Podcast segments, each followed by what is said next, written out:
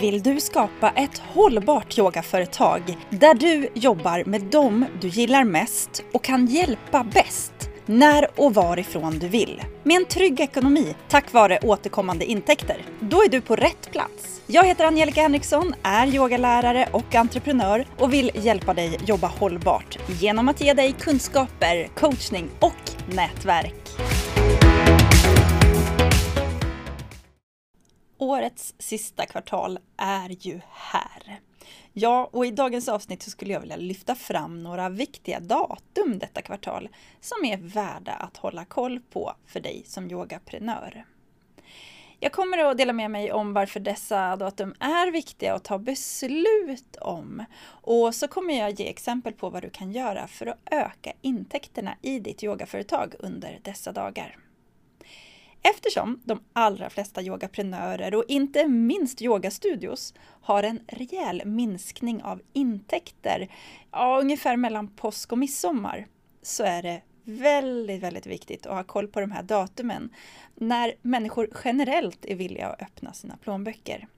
Att vi då finns där, synliga och redo att serva med vad vi har att erbjuda. Jag pratar nu inte om att vara pushig, påträngande eller tvinga på något som de inte vill ha eller behöver. Nej, tvärtom. Du vet ju lika bra som jag hur bra yogan är. Så det du kommer erbjuda, det är ju bra grejer. Du ska bara se till att synas när dina deltagare ändå är villiga att betala. Jag kommer lyfta några exempel och det är ganska säkert att du inte ska göra någon kampanj, aktivitet eller någonting speciellt på alla de här datumen. Nej, jag vill bara att du ska ha planerat.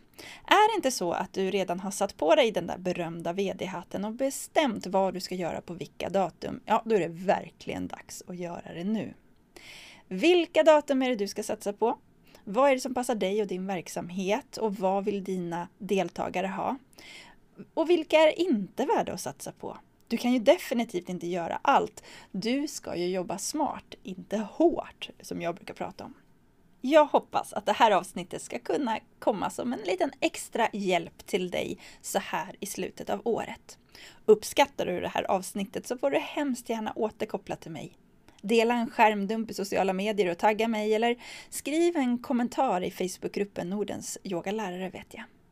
Jag uppskattar verkligen att höra ifrån dig, så berätta om det här är ett avsnitt som föll dig i smaken, någonting som du vill ha mer av. Eller om du önskar någonting annat, säg det också. Det här är ju faktiskt mitt 150 avsnitt av Yogaprenörpodden. Och då har jag inte räknat in alla bonusavsnitt, för ska vi räkna in dem, då är det nog ett 20-30-tal till. Men vi närmar oss också 50 000 lyssningar, så jag vet att ni är många som tycker om att lyssna på den här podden. Hjälp mig då dels att sprida den till fler, men också kom med önskemål, tankar och frågor som jag kan lyfta in i podden. Så fortsätter jag att dyka upp här varje tisdag med tips och tricks, idéer och inspiration till dig som är yogalärare och vill kunna leva av din verksamhet. Men nu nu fokuserar vi på årets sista kvartal. Här kommer några viktiga datum att ha koll på.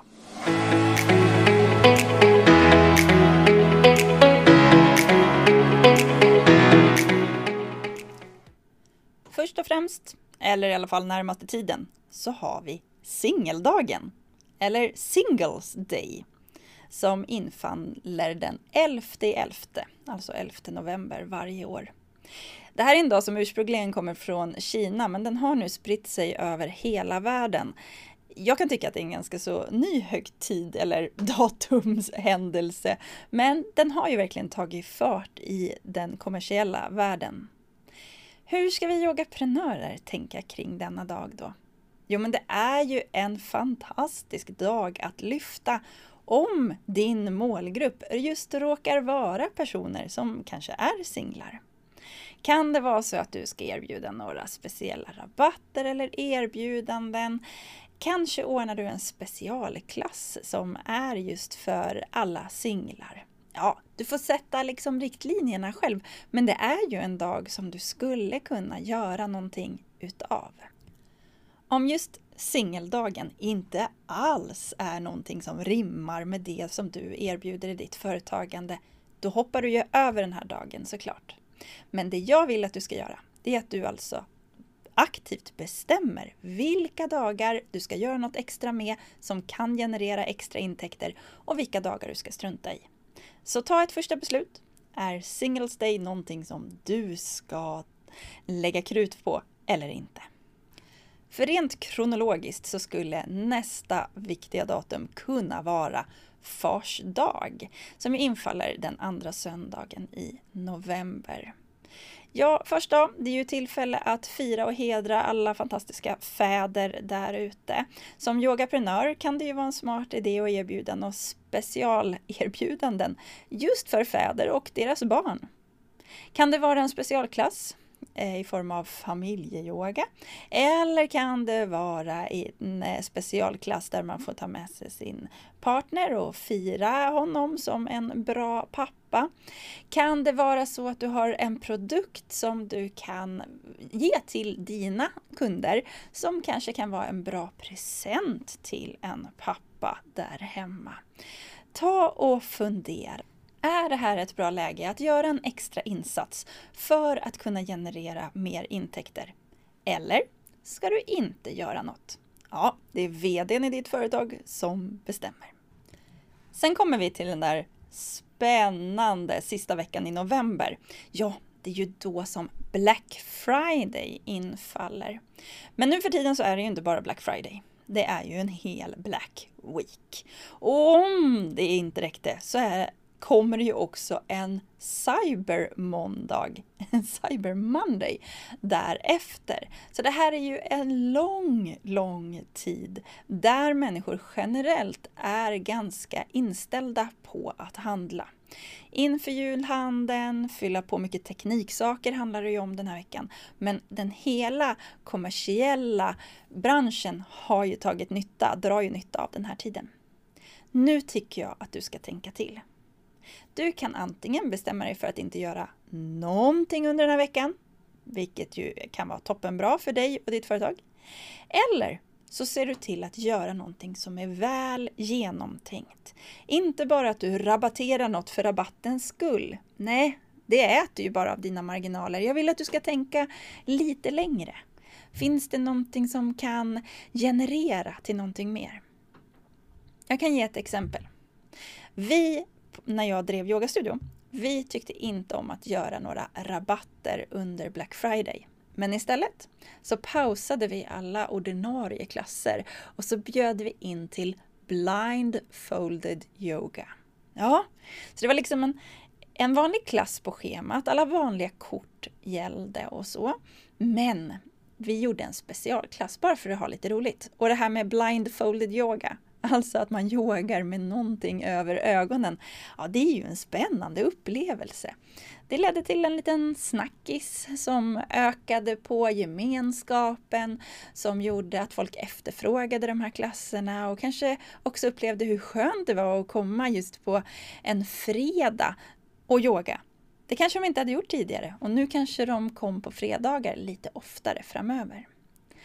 Så fundera på det här kan ju vara en jättebra tid.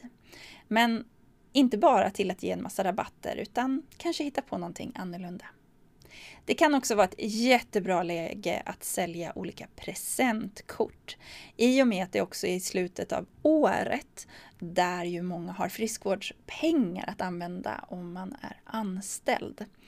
Så på med VD-hatten, bestäm dig för om Black Friday, Black Week, Cyber Monday är någonting som ska lyftas i din verksamhet. Hur du då gör det så att du inte bara ger bort en massa rabatter utan du faktiskt gör något som ökar lönsamheten på sikt. Sen kommer vi ju in i julhandeln och ja, hela december är det ju definitivt men jag har sett på både den ena och den andra affären att det redan är igång julhandel. Bor man i en stad som har någon slags handelsstadsförening så kan det ju nu vara ändrade öppettider på stan. Bestäm dig för om du ska hänga med i det som alla andra gör och ha ökade öppettider eller kanske synas i något extra, någon extra bilaga i lokaltidningen. Eller om du ska göra din egen grej. Såklart så kan du lägga in julinspirerade yogaklasser och workshops, men tänk nu på att skaffa dig inte massa mer jobb bara för mer jobbets skull, utan ha den där baktanken. Vad kan vara bra events att satsa på som leder till ökad lönsamhet i längden? Jag vill eh, påminna dig, eller kanske ja, räcka upp ett varningens litet finger också. Någonting som brukar hända den första december är att många yogaprenörer scrollar i sina mobiler och upptäcker att wow, hjälp vad många yogalärare som har skapat någon slags julkalender, till exempel på Instagram. Och så tar man ett hastigt och lustigt beslut och tänker att och det där borde ju vi också göra, det måste vi bara göra. Och så börjar man lägga ut kanske första, andra, tredje och fjärde luckan i en julkalender. Sen upptäcker man att det tar väldigt mycket tid, energi och fantasi att hitta på 24 luckor. Ja, om du är lite sådär intresserad som ju jag är så kan man faktiskt titta i yogavärlden vad som händer i december. För det är många sådana här julkalendrar som drar igång första december. Men om man tittar sig efter Lucia, ja då är det faktiskt en hel del som inte har orkat gå till mål. Och här vill jag då alltså komma och flagga för dig nu är det så att det är en bra idé för dig att göra någon slags julkalender för dina följare så ska du ju såklart göra det. Men då kanske det är jättebra att börja planera för den nu. Börja förbereda inlägg, skapa material och kanske till och med schemalägga så att du inte behöver jobba där liksom i sista sekunden i december. Det går också att vara lite smartlat. Man kan ju göra en adventskalender istället för en julkalender. Då behöver man bara göra fyra luckor. Mm -hmm. Kan det vara något för dig kanske? Hitta på någonting som leder till lönsamhet över tid och inte bara ger dig mer att göra. Ja, det är det jag vill skicka med. Jag har faktiskt ett tips till, framförallt till dig som driver en yogastudio, men jag tror att du kan använda det här i andra sammanhang också. När jag drev yogastudion Studio Karma hade vi ju dels en butik, vi hade behandlingar och så hade vi våra yogaklasser och kurser. Vi bestämde gemensamt att vi hade ett presentkort som gällde på alla de här tre delarna. Så köpte en kund en presentkort så kunde man använda, eller mottagaren kunde använda den då till det de ville. Det gjorde presentkortet väldigt attraktivt. Det gav en hel del administrativa baksidor då pengarna skulle delas upp mellan olika terapeuter och så. Så tänk till om det här låter som något för dig. Eh, men för oss var det bra i alla fall. Dels så pushade vi då för våra presentkort väldigt mycket redan från i slutet av oktober. Presentkorten, använda friskvårdspengarna och så skapade vi en egen önskelista. Lyssna noga nu. Ifall du gör någonting annat så kan du komma tillbaka och lyssna till mig, på mig här. För att vi gjorde en ganska så enkel lista. Jag gjorde den via Vistaprint som ett eh, liksom avlångt vykort beställde jag. Och så skickade, la jag de här önskelistorna runt om i yogastudion och sa till mina yogalärare att de skulle prata om önskelistorna vid varje klass. För alla som yogade hos oss, ofta kvinnor, ofta mammor, ja, de brukar ju ha lite svårt att komma på vad de önskar sig för någonting. Med hjälp av den här önskelistan så kunde de bara göra enkla kryss om de ville ha en specifik produkt ifrån våran eh, butik eller om de önskade sig ett visst kort eller behandling eller vad det nu kunde vara. Så tog de med sig de här önskelistorna hem och gav dem till lämplig partner eller annan nära och kär. Och sen hörni, i december när vi hade våra utökade öppettider, ja då kom det in en massa lite halvt förvirrade män oftast med de här önskelistorna i handen och sa ja, min, min fru eller partner yogar här och har önskat sig det här, kan du hjälpa mig? Ja, det var ju jätteenkelt. Då hade vi förberett lite fina kit så att eh, beroende på vad de köpte för någonting så kunde de få det inslaget i fint cellofan med lite snygga detaljer så att det blev en fin gåva att lämna över när det var dags på julafton. Kan det här vara någonting för dig och din verksamhet? Kan du göra någon variant på det här som jag delar med mig till dig? Jag tror att det viktigaste av alla de här sakerna jag har tagit upp som du kan ta med dig, det är att gör inte saker bara sådär hastigt och lustigt och skapa bara mer jobb. Utan om vi befinner oss här nu i slutet av oktober, avsätt lite tid, en timme eller två. Fram med kalendern och så tittar du. Vad mäktar du med att göra? Vad vill du göra? Vad borde du göra? Vad kan ge lönsamhet på sikt?